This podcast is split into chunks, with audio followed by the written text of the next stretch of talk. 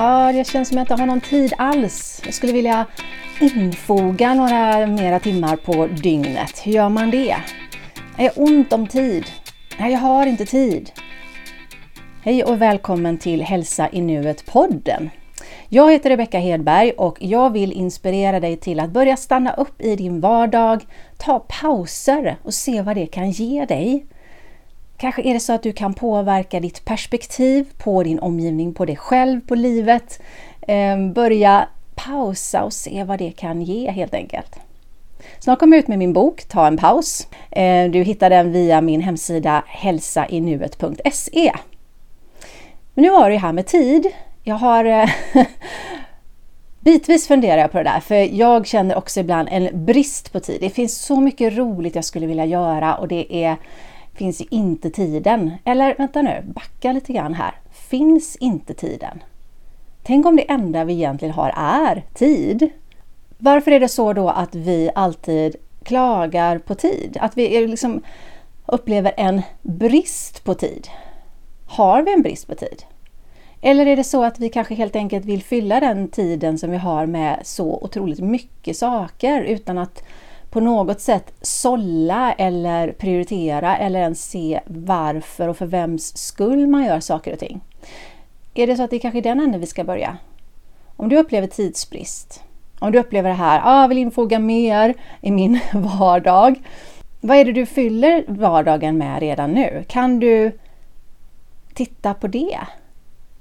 Är det så att du är mitt i livet som, som jag är med barn, eh, små barn, eller hyfsat små barn i alla fall, som kräver ja, men fokus, uppmärksamhet, eh, det är aktiviteter, det är läxor, det är saker som, som på olika sätt tar av din tid. Och är det det som du upplever eh, begränsande eller, eller minskande? Men vänta lite nu då, du har ju ändå valt att skaffa barn. Eller? Då kanske det är så att det är så som det är just nu i den här perioden på livet. Du kanske behöver finna en, en eh, Ja, men att titta på det med lite snällare ögon. Just nu är det så här. Det får vara okej okay då. Det betyder ju inte att de kommer vara i den åldern i all evighet. Eh, många som har vuxna barn säger att ah, det går så fort. Du kanske borde vara mer närvarande i det som är istället, för det kommer inte vara så här för all framtid. Vad jag menar är att vi har ju av olika anledningar valt att fylla våra vardagar på olika sätt. Och det vi inte har valt, som vi känner ibland och bara liksom lagts på oss, ja, men de lejerna kanske du skulle kunna göra någonting med, eller? Om vi nu leker lite granna. Vi leker lite, så säger jag ibland med mina, till mina kursdeltagare och så vidare, eller klienter. Ja, men vi leker lite. Vi befinner oss i en värld där tid inte är brist. Tänk om det finns oändligt med tid, eller tänk om framförallt tid. Vi har lika mycket tid allihopa och vissa människor får ju gjort hur mycket som helst under den tiden. Tiden är ju faktiskt ett begrepp vi har hittat på eller skapat för oss själva. Vad har du för förhållande till den, det begreppet tid? Vad har du för relation till begreppet tid? Till klockan? Tittar du på klockan och delar in din dag i, i ja, arbetsdag hemma kanske. Du kanske till och med delar in din arbetsdag i två delar för efter lunch. Du kanske till och med delar in din, din förmiddag i, i kvartar eller timmar.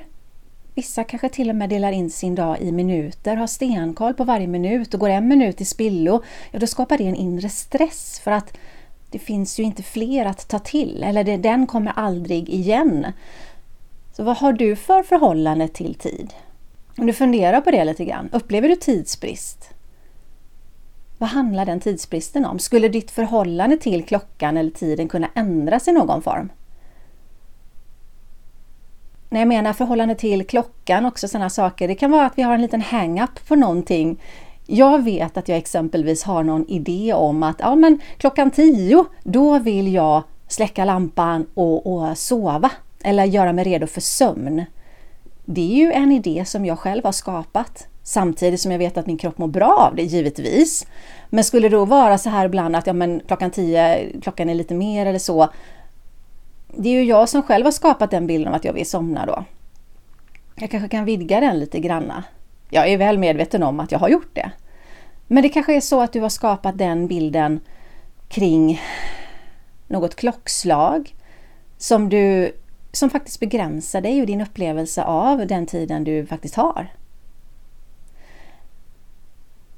Prata lite grann ibland om hur kan jag som kursskapare, kursledare få de personerna som är med att genomföra det som jag ger dem, som jag vet är bra för dem. Om de gör det och utmanar sig.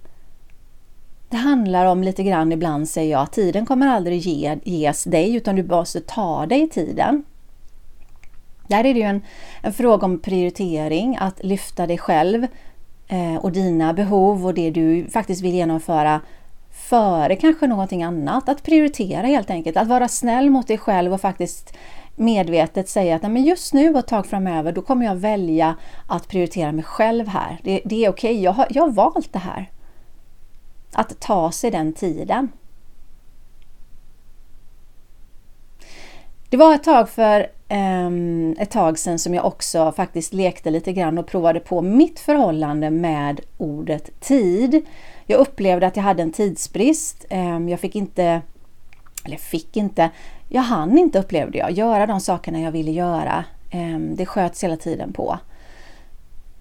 Så jag började fundera lite grann på det här. Mitt förhållande var tydligt. Jag upplevde brist på tid okej, okay, kan jag ändra mitt perspektiv där på något sätt? Jag skriver tacksamhetsdagbok varje morgon och varje kväll. Så att jag började skriva och vara tacksam över den tiden jag faktiskt har. Jag vred på perspektivet, jag ändrade det från att eh, uppleva en brist på tid till att faktiskt vara tacksam för den tiden jag ändå har.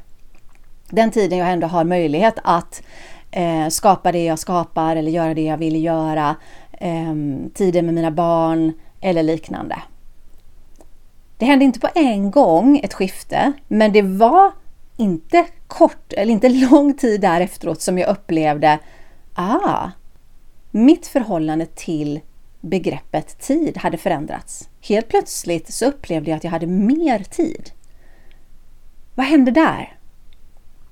Var det så att genom att jag ändrade perspektivet, att istället fokusera på att jag hade brist på tid, faktiskt ändra mitt perspektiv till att vara tacksam över all tid jag ändå har. Och bara genom att göra det så blev det ett skifte i mig. Att helt plötsligt så upplevde jag att jag hade mer tid. Helt plötsligt så såg jag tomhet i min kalender som jag inte ens hade uppmärksammat förut. Jag såg med andra ögon på dagen, på veckan och uppmärksammade eller la märke till de, ja, men de lediga stunderna jag faktiskt hade och tänkte att shit vad mycket tid jag har. Så hade jag inte tänkt på det förut. Så kanske kan det vara så att din, ditt förhållande till begreppet tid kan påverkas. Ja, det här var ett eh, avsnitt om tid. Ehm, tidsbegränsning, tidsbrist eller kanske att vi faktiskt har tid. Beroende på hur du väljer att se på det. Eller hur du väljer att prioritera. Hör gärna av dig om du har några idéer eller om du har gjort på något sätt som gjort att du har upplevt att du har mer tid nu än tidigare. Vad, vad gjorde du då? Var det något skifte där? Vad hände hos dig? Hör gärna av dig oavsett. Hör gärna av dig om du har någon idé på vad du skulle vilja höra mer om i den här podden. Podden kommer ut då och då. Inte utifrån någon specifik, specifik tidpunkt eller tillfälle, utan helt enkelt när jag känner att det känns kul. Stort tack för att du lyssnar, stort tack för att du kanske följer mig. Du hittar mig på Instagram och Facebook. Instagram som rebeckahedberg.se, Facebook som Halsa i nuet. Hör gärna av dig om det finns någonting jag kan bidra med till dig. Ha det fint! Hej då!